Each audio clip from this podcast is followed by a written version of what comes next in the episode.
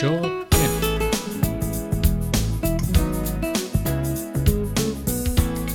Amb el suport de la representació de la Comissió Europea a Barcelona, la Diputació de Barcelona, l'Ajuntament, l'Oficina del Parlament Europeu a Barcelona i la Generalitat, una nova edició de l'Hora d'Europa. I és que aquest estiu, més que Bé, no hem deixat de parlar d'Europa, ni el de què ha passat en alguns dels països d'Europa, ni d'aquesta crisi que, que colpeja alguns dels estats de la Unió Europea i pels quals altres han hagut de fer mans i mànigues per poder-los salvar. Joaquim Millan, bon dia, bona hora. Molt bon dia. Ben retrobat. Ben retrobat en un dia on, com tu deies molt bé, tenim la sort de que encapçalen totes les, tots els diaris aquesta foto de la Merkel somrient, que, que també anima una mica, no? Diu, aquí anima els mercats. Jo crec que també els ciutadans una mica, no? Eh, eh, tot i que a casa seva haurà de justificar algunes d'aquestes actuacions que tenen relació amb, amb el salvament d'alguns països de, de la Unió Europea. Potser del, de, què? de les mares de la Unió, la més perjudicada és Itàlia, no? Bueno, en aquests moments sí, no? perquè el que s'està dient des de, des de la vessant eh, econòmica financera, els experts, etc, ja es venia dient inclús abans, no? inclús quan a principis d'aquest any tots recordem que els Nadals passats es parlava de que ens n'anirem de, eh, de, de, eh, celebrar els Nadals i es rescataran a Espanya, sí, sí, si no, i avui ja deia, bueno, o Itàlia, o Itàlia, que no està tan bé com diuen, o inclús amb, amb algunes qüestions pitjor que, que Espanya. No? De fet, hem anat trampejant fins a la situació d'avui, per tant, eh, és una mica també el que veiem que aquests temps que corren ens tocarà passar a tots, anar trampejant, anar passant, i jo afegeixo i anar fent els deures, perquè, com molt bé a vegades es diu, ui, això em va per llac, 3-4 anyets, dic, bueno, 3-4 anyets, sí fem els deures, no, no, no només per passar els anys les coses se solventen, sinó que s'han de fer els deures, i fer els deures a vegades imposats i, i a vegades a correcuita i a vegades perquè no hi ha més remei, doncs no agrada i és una situació en la qual ens trobem tots en aquests moments. I poder a Europa, com tu deies molt bé, doncs hi ha la senyora Angela Merkel que en aquest cas doncs, eh, fa de dolenta i poder a molta gent ja li va bé que hi hagi algú que faci de dolent a Europa, però al cap i a la fi està fent un paper, mm, un paper complicat, molt difícil, que com tu també insinuaves, mm -hmm. podré al final del camí tindrà uns costos a casa seva importants que ja està començant a pagar. Que està més o menys, no direm que cantat, eh?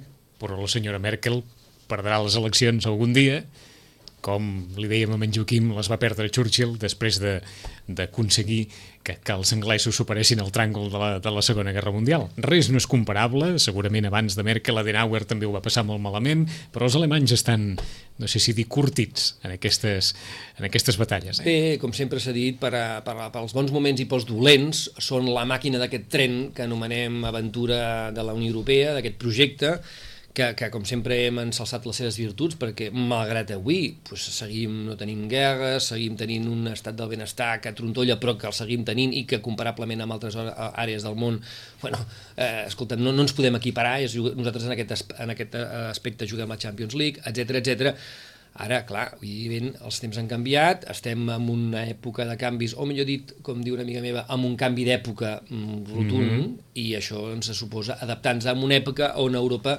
doncs, ha viscut una mica allò que deia eh, de, de party, no? eh? quan deien aquell titular Spain, que poder vèncer els darrers, que ens vam donar compte que això s'acabava, de, de, de, de party's over, eh? la, la festa s'ha acabat, mm -hmm i clar, quan s'acaben les festes de cop, pues, bueno, hi ha la ressaca.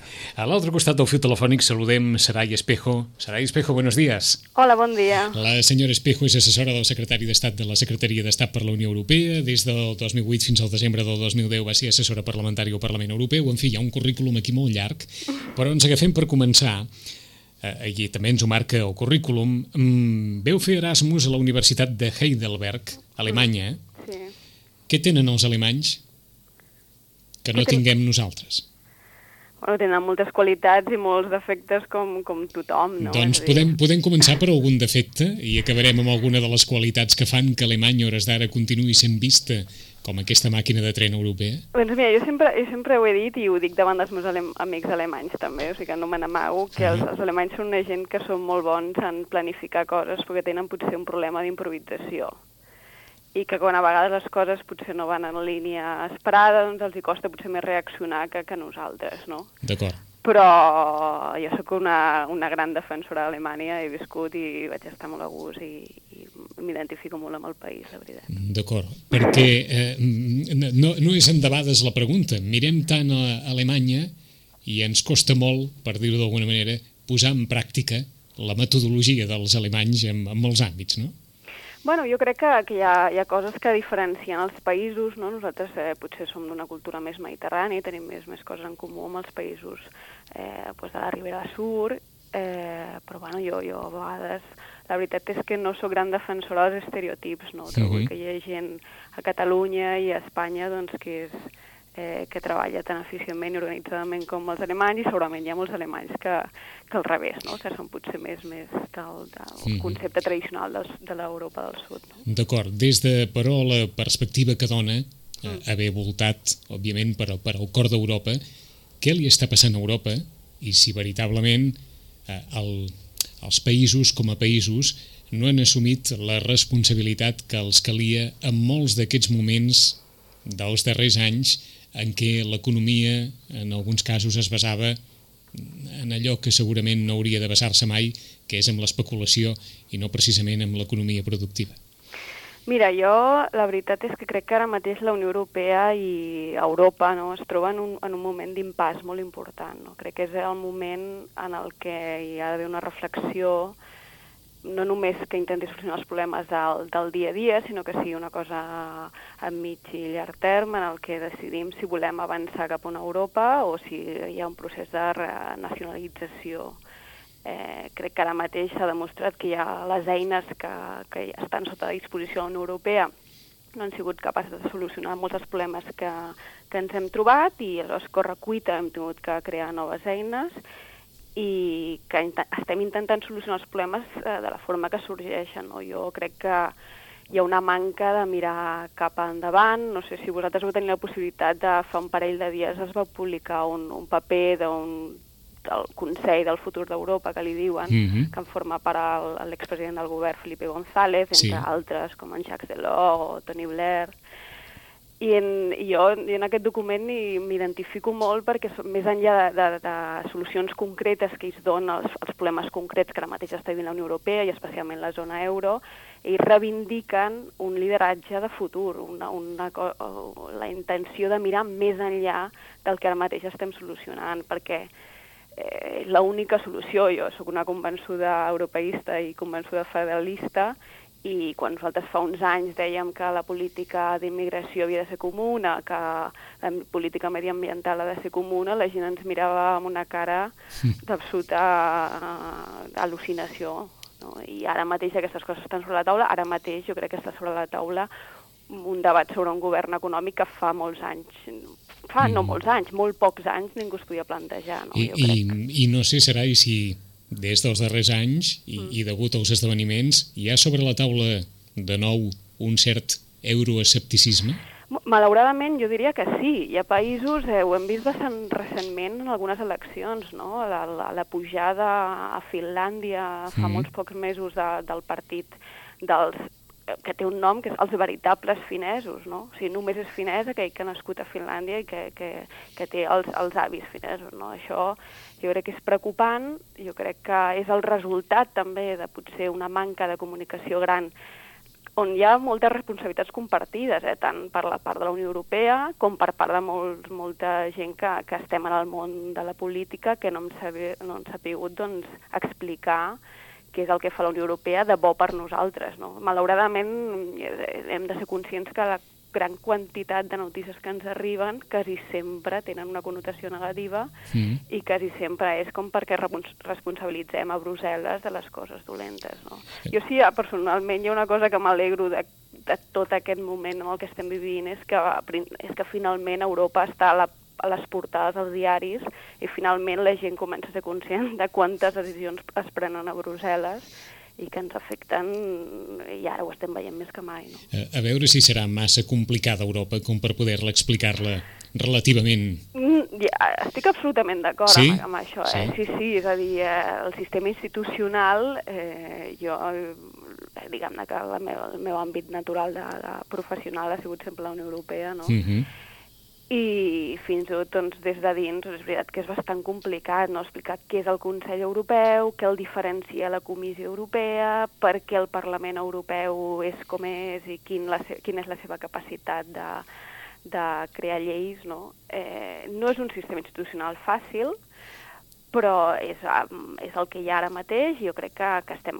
avançant positivament. No? Perquè és més fàcil per la majoria de ciutadans pensar que Angela Merkel és la presidenta de facto de la Unió Europea i Nicolás Sarkozy el vicepresident de facto de la Unió Europea?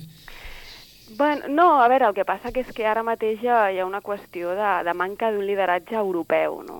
Jo crec que, que és una cosa que hi ha un... No és una qüestió molt, molt, no sé si dir que ja hem convertit aquesta manca de lideratge en quelcom ja crònic, o no?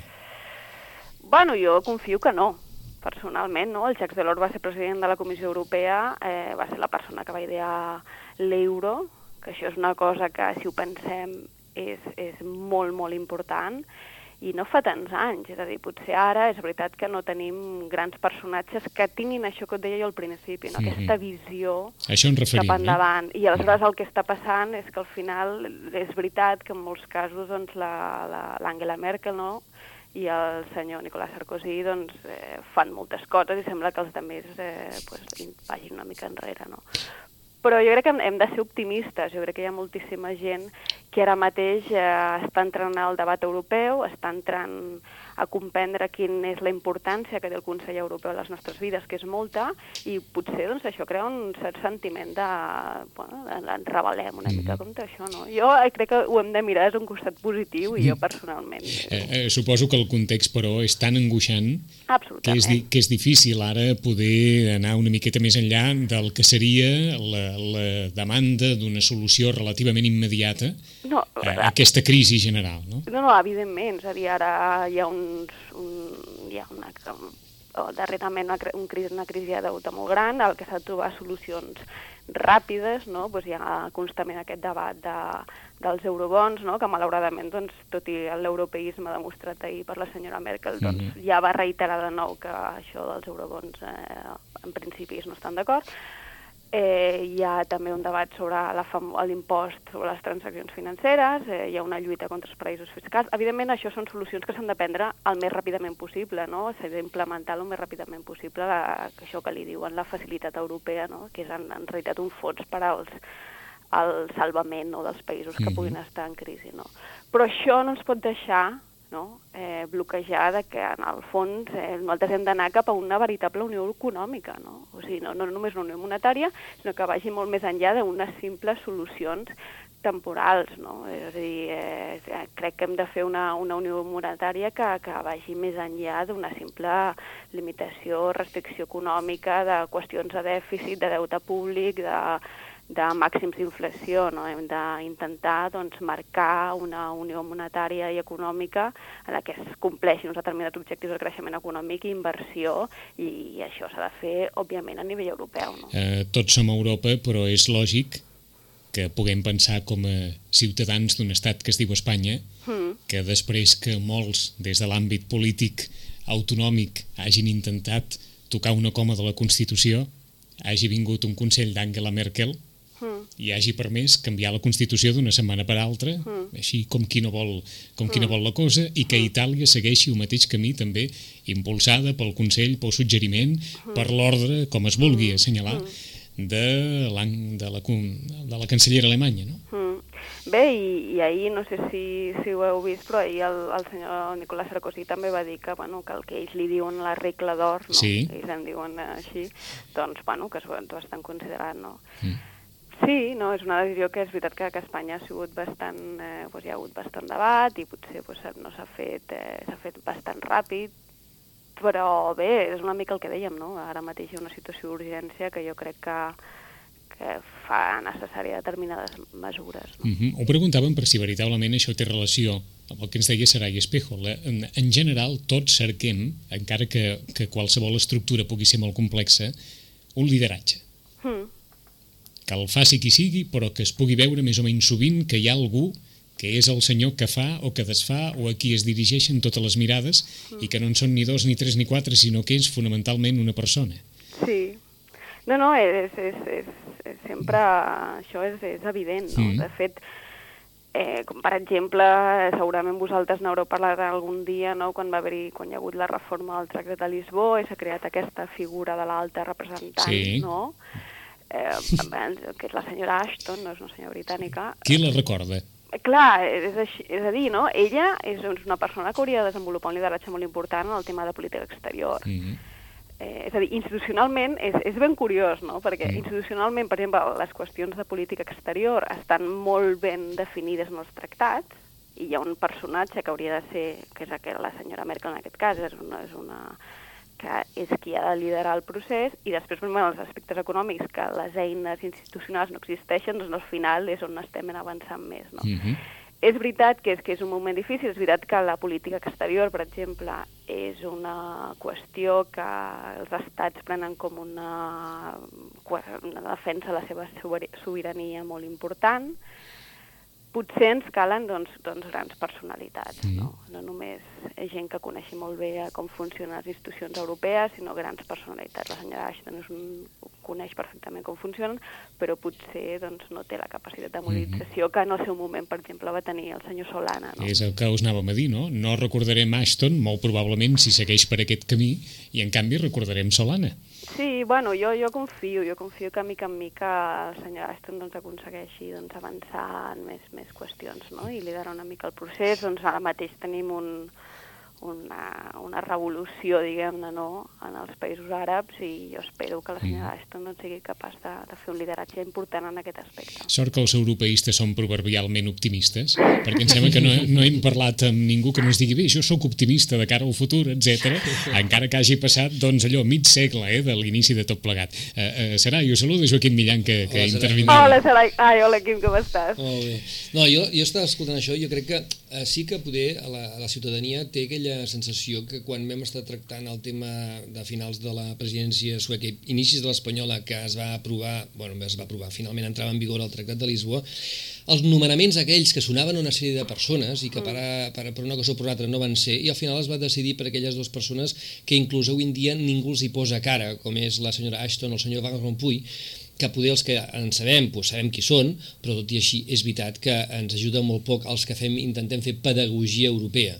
I l'exemple el tenim, i això amb el Vicenç ho hem dit més d'una vegada, el 9 de maig, aquí, aprofitant la Setmana d'Europa, amb una classe d'una escola que es diu Mariusó, nens de 8, 9 anys, no, perdó, 9, 10 anys, Eh, jo vaig posar diverses fotos, aviam, el senyor Barroso, el Van Rompuy i tal, a veure, tal, qui, qui era capaç? Buzek i tal, i fer una mica d'això, i al final, de, quan, al final es va aixecar un i diu, diu, però no ha posat la senyora Merkel, on està? Perquè aquesta és la que mana, oi?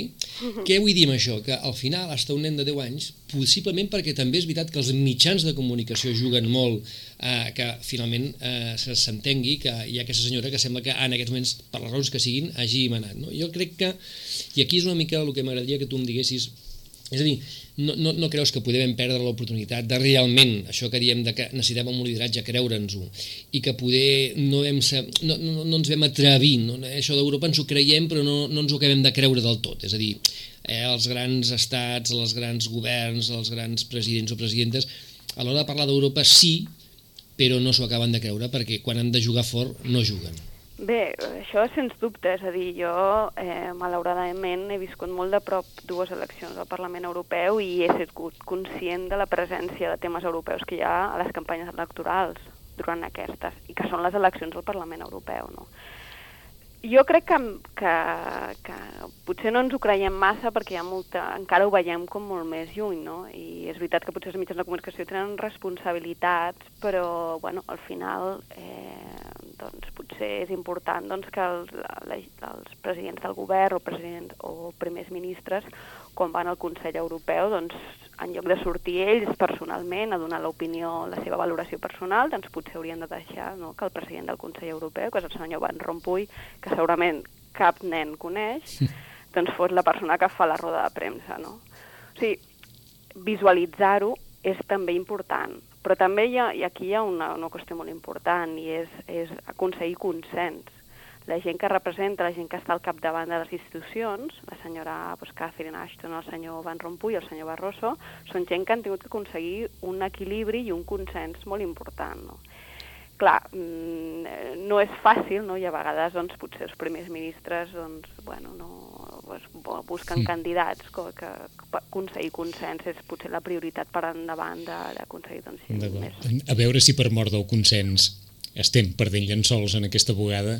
Esperem que no, esperem mm -hmm. que no. no.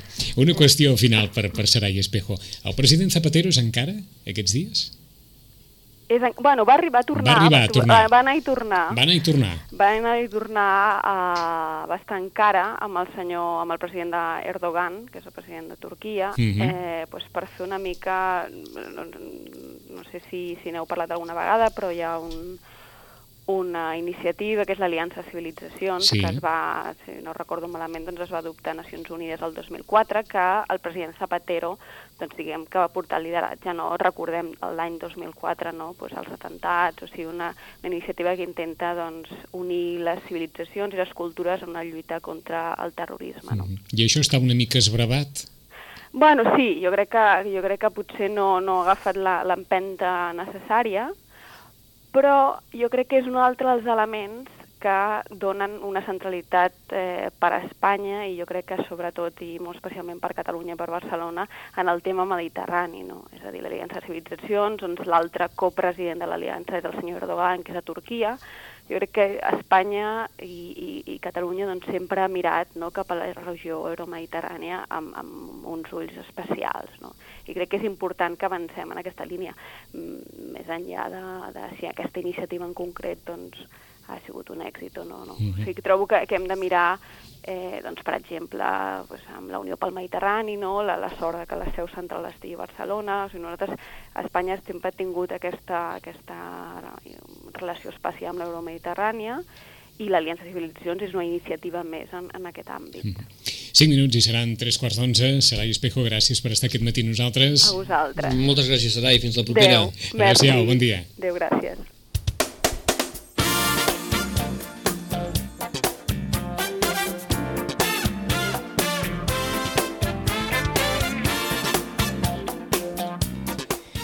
Bé, hem tornat a l'eterna qüestió de sempre. Ja et dic, sort que hi ha europeistes optimistes, com és el cas d'en Joaquim Millan o de Sarai Espejo, de la majoria de persones relacionades en temes europeus, o, perquè si no... Optimistes perquè segueixo per veient... Per naturalesa, eh? No, per naturalesa, però perquè segueixo veient, malgrat tot, que la gran solució passa per més Europa.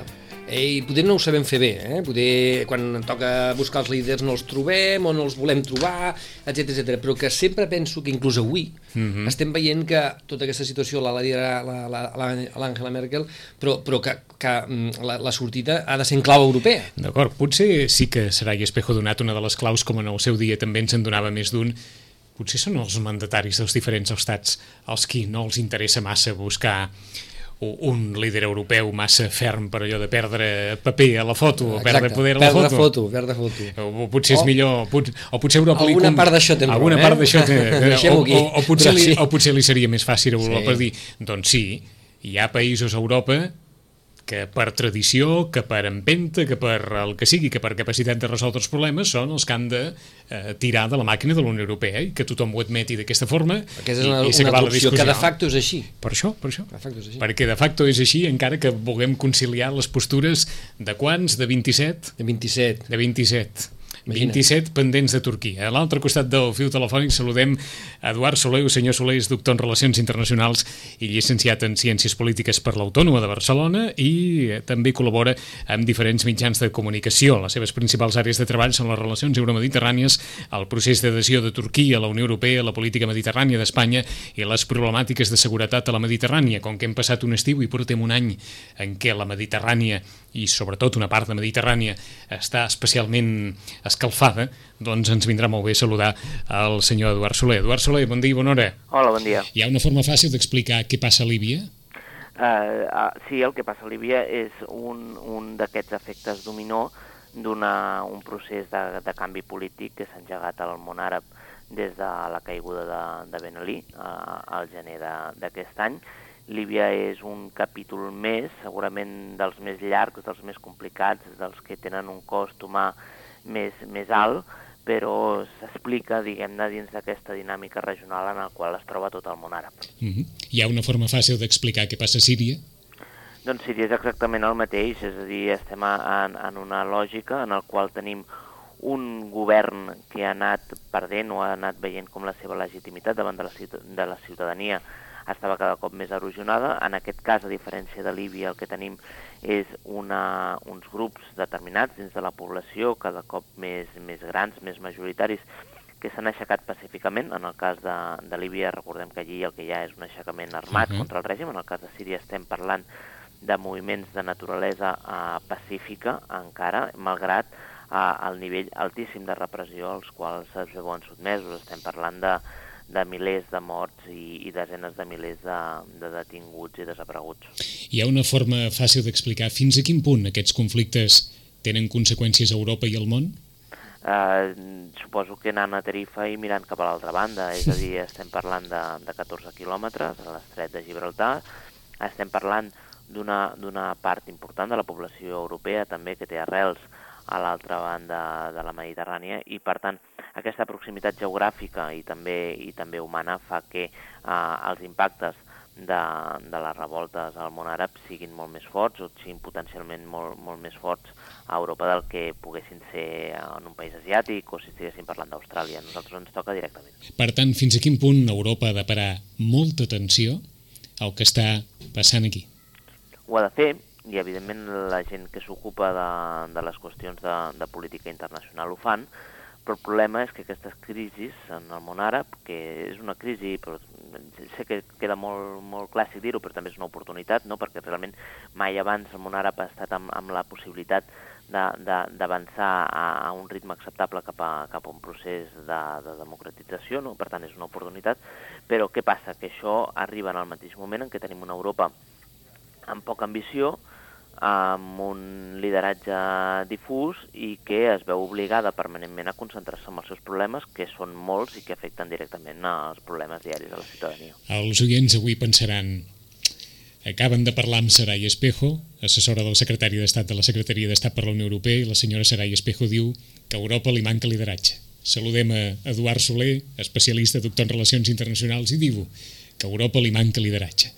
Vaja, no, no ho tenim massa bé, doncs, no? No, imaginem-nos aquestes uh, revoltes que haguessin succeït a, a, a principis dels 90 o a finals dels 80, en què haguéssim tingut un, un Helmut Kohl, uh -huh. un Mitterrand, un Vaja. González, imaginem-nos quin tipus de resposta hagués pogut donar a la Unió Europea. Pensem que hem posat en perill la llibertat de circulació dins de, de la Unió Europea perquè 50.000 persones van arribar a, a, al llarg d'un mes a, a Lampedusa, mentre que també a finals dels 90 vam veure una crisi molt més greu, un manament molt, molt més important amb, amb les guerres als Balcans i, i en absolut es va posar en dubte un dels, dels èxits de la construcció europea. No? I per mm. tant això reflecteix molt l'estat en, en el que es troba la construcció europea avui en dia. Eh, doncs ho, ho, us preguntem així en, en veu alta, potser la, la pregunta pot resultar eh, allò amb un punt filosòfica, però, però a més de la crisi econòmica, que tenim una crisi de, de líders, que, que no tenim personalitats amb prou pes específic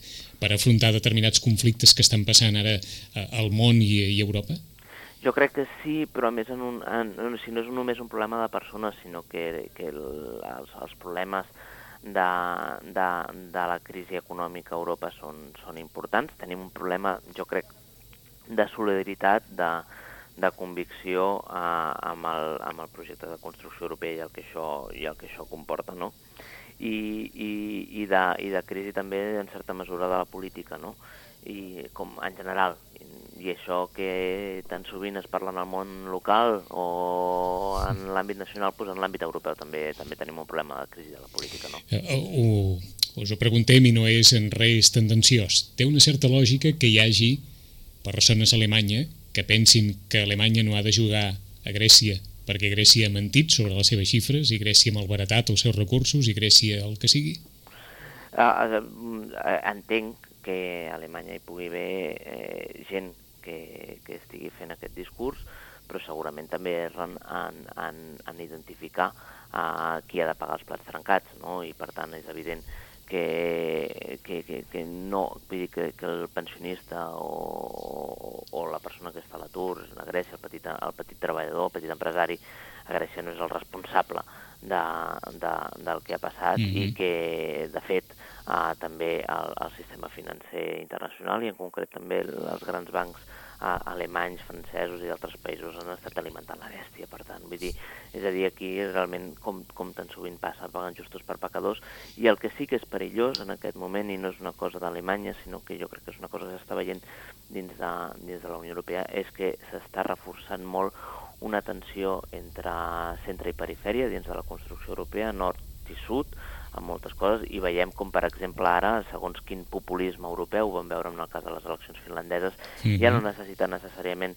fer ús només de la por a l'immigrant, sinó que, que el rebuig a l'europeu del sud, en el qual se li associa aquesta, aquesta imatge de gandoleria, de, de mentida, de, de malbaratador de, de recursos, doncs serveix per les mateixes eh, propòsits electorals que en un altre context eh, s'ha utilitzat el discurs antiimmigració. Amb tots els matisos que vulgueu, que estem repetint eh, la història, d'alguna manera? Eh, si us referiu a, a, a, al període de, de, de mitjans del segle eh, passat... Diguem-ne allò de la llei del pèndol, no, que quan que les grans crisis porten, eh, diguem-ne, una reacció per part de la ciutadania que els acosta a les postures, diguem-ne, més intolerants o més extremistes de la ideologia? Jo crec que estem en una, en una fase de replegament identitari i de, i de fissura en, o d'erosió de, de, de la solidaritat europea, no? Això sí, vull dir que, que, que estiguem, uh, però dubto molt que estiguem uh, allò uh, al bord de l'abisme, no? que diríem en castellà. D'acord. Per què estem en aquesta posició? Què ha passat perquè, diguem-ne, algú es pugui sentir o, o s'ha fet valer molt aquest sentit de l'europeisme i, i s'ha diluït, no sé si un cert sentit de, de la identitat nacional que ara alguns volen, volen recuperar o què ens ha passat per, per trobar-nos en aquesta situació de d'una certa o que alguns facin valer de nou la, la bandera de la identitat pròpia? Jo no, crec que hagi passat uh, res en concret, segurament és una cosa, o sigui, aquests replegaments identitaris en moments de crisi, quan un veu tontollar uh, les bases de, diguem-ne, de, de, del seu benestar, sí. suposo que ha una relació, una reacció uh, humana bastant bastant convencional, no? El que sí que ha passat és que en aquest moment ens hem trobat amb, amb, amb jo diria que el que no hem tingut eh, en molts països europeus és eh, aquesta qüestió que parlàvem dels lideratges, no? una capacitat per part de, de les èlits eh, europees de resistir a aquesta onada de populisme i una certa, i un, diria, una mica a l'estar sobrepassat pels esdeveniments. Mm. És la ciutadania qui escull els seus líders, per tant, si tenim una crisi de líders, mm, la tenim per, per què? Bueno, jo crec que una de les coses que sí que veurem en els pròxims mesos, bé, ja s'ha començat a veure, no? Sí. Però és que aquesta crisi econòmica passarà factura absolutament a tothom, no? Um, I realment hi ha una erosió de... Vull dir, va començar al Regne Unit, en el cas d'Espanya, vull dir, avui mateix el senyor Duran eh, allò tornava a, a enfatitzar que, que ell creu que tindrem una majoria absoluta de, del partit de l'oposició. En el cas d'Itàlia, Berlusconi està en una situació de debilitat. Uh -huh. eh, Sarkozy eh, també té problemes importants. La cancellera Merkel ho veiem en, qual, en tot el conjunt d'eleccions regionals que van passant i per tant jo crec que sí que aquesta, aquesta, la ciutadania europea potser no sap exactament cap on vol anar, però el que sí que percep és que les coses no s'estan fent bé. D'acord, és que en, ens ho poseu d'una manera que permet fins i tot interpretar el que també s'ha interpretat els darrers dies. Tothom creu que hi haurà canvis, però ningú tampoc pot assegurar que aquests canvis garanteixin... Exacte. I, i, i per tant, és, és que ja arriba un moment en què no sap si realment... O sigui que estem, al, estem al final d'un embut, sembla, no? Sí, per tant el que segurament cal és un, un, un, un factor, eh, jo crec que més que no està necessàriament en les mans d'algun de, de, dels líders europeus, sinó que segurament és algun tipus de factor més de naturalesa global que faci canviar de cicle i, que, i, i, i canviar eh, a nivell d'expectatives, de, d'horitzons. D'acord, us demanaríem, encara que poguéssiu ser una miqueta més explícit sobre aquest factor global que permetria Eh, diguem-ne, canviar o marcar un punt d'inflexió? Què podria ser? Vull dir, realment, jo no sóc economista, aquí no t'ho podria dir. No, però... no, però des d'un punt de vista allò de algun, algun fet de, de transcendència històrica, hem de suposar alguna cosa així que permeti un, un sacsejament de, de totes les estructures.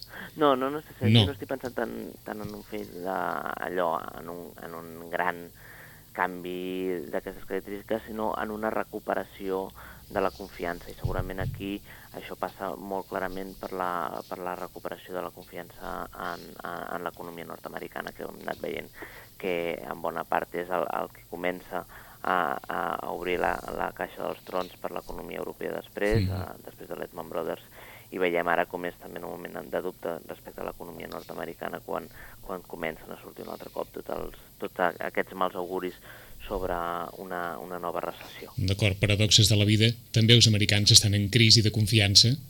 Amb allò que creien fa quatre dies, amb aquell weekend que creien, doncs Sí, sí, de fet, vull dir, i durant el tema que dèiem abans, -hmm. sembla que, que, que, que els, vull dir, un dels pocs llocs en aquest moment en què, en, què, en què hi ha gent que ha trobat una esperança renovada sigui en el món ara, potser perquè estaven tan desesperançats. entesos.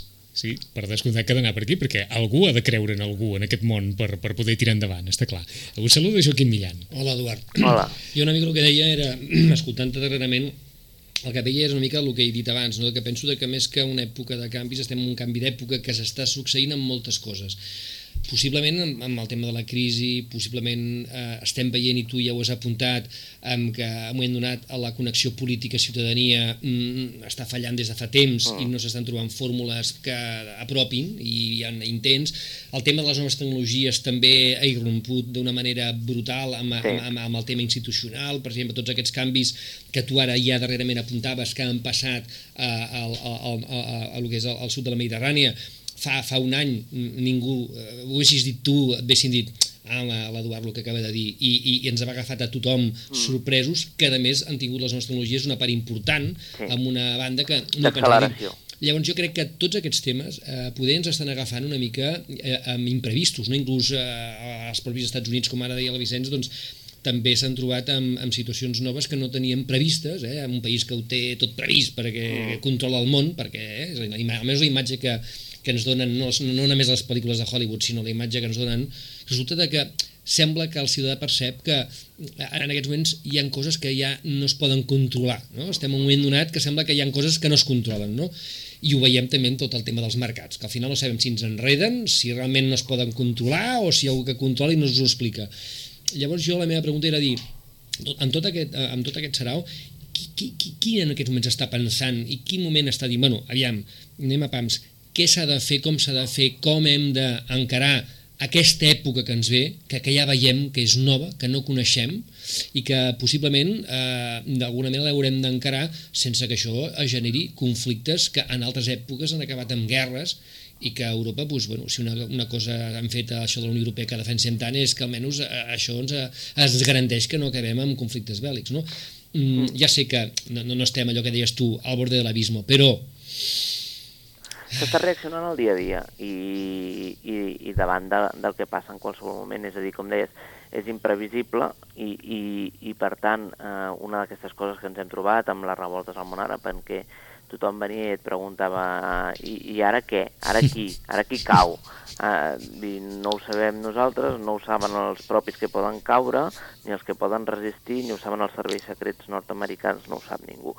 I per tant, en aquest moment, eh, el que ha és una, una reacció de, del dia a dia, un exercici de contenció de, de, de perills futurs. Per tant, és a dir, en aquest moment, una de les coses en el qual s'està insistint més, en el cas de Líbia, per posar un cas, és, uh, a veure, senyors, vostès tenen un problema, tenen armes en el seu territori i això pot provocar un problema en el futur, Uh -huh. i si entren vostès en un ajusta, una lògica d'ajustament de comptes, de vendetes, de venjances, vull dir, estaran, estaran, estaran posant diguem-ne, la llavor per, per una situació d'inestabilitat en el futur. No? Per tant, en aquest cas concret el que els hi demanem això. Falta, i en això sí que, que estic d'acord, és falta una, una, un, un gran, el que els americans diuen una gran strategy, no? allò, un gran disseny de cap a on anem avançant, però realment segurament en aquest moment les necessitats del context de la reacció específica davant del que passa en un moment donat són, són tan importants no?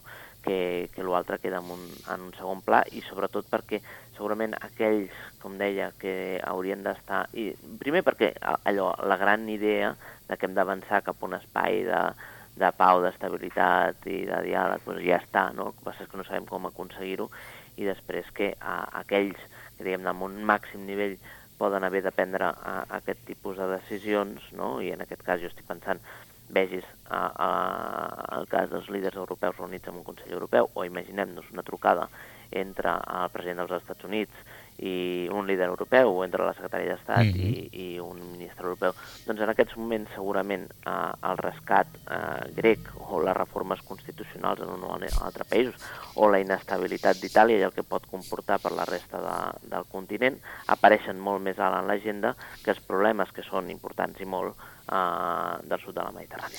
És una molt bona reflexió per acabar la nostra hora d'Europa d'avui. Mentre a Líbia encara busquen a Gaddafi, algú ja ha sabut què fer amb el 25% del petroli libi i algú ja ha trobat una solució enmig d'aquesta crisi. No? Eduard Soler, gràcies per estar aquí matí nosaltres. Molt bon dia. Moltes gràcies. Gràcies. Fins la propera. Adéu. Joaquim, moltes gràcies. A vosaltres. L'Hora d'Europa tornarà d'aquí un mes, enfilant encara, segur, més qüestions relacionades amb aquest context de crisi que, que anem vivint. Són les 11, en 5 minuts tornem i a la tercera hora de programa Mònica Luxteman, la nova presidenta d'AMIS, de l'Associació de Pares i Mares amb Fills amb Discapacitats de Sitges, que demana la implicació de la ciutadania en aquesta nova etapa de l'associació. Tornem en 5 minuts.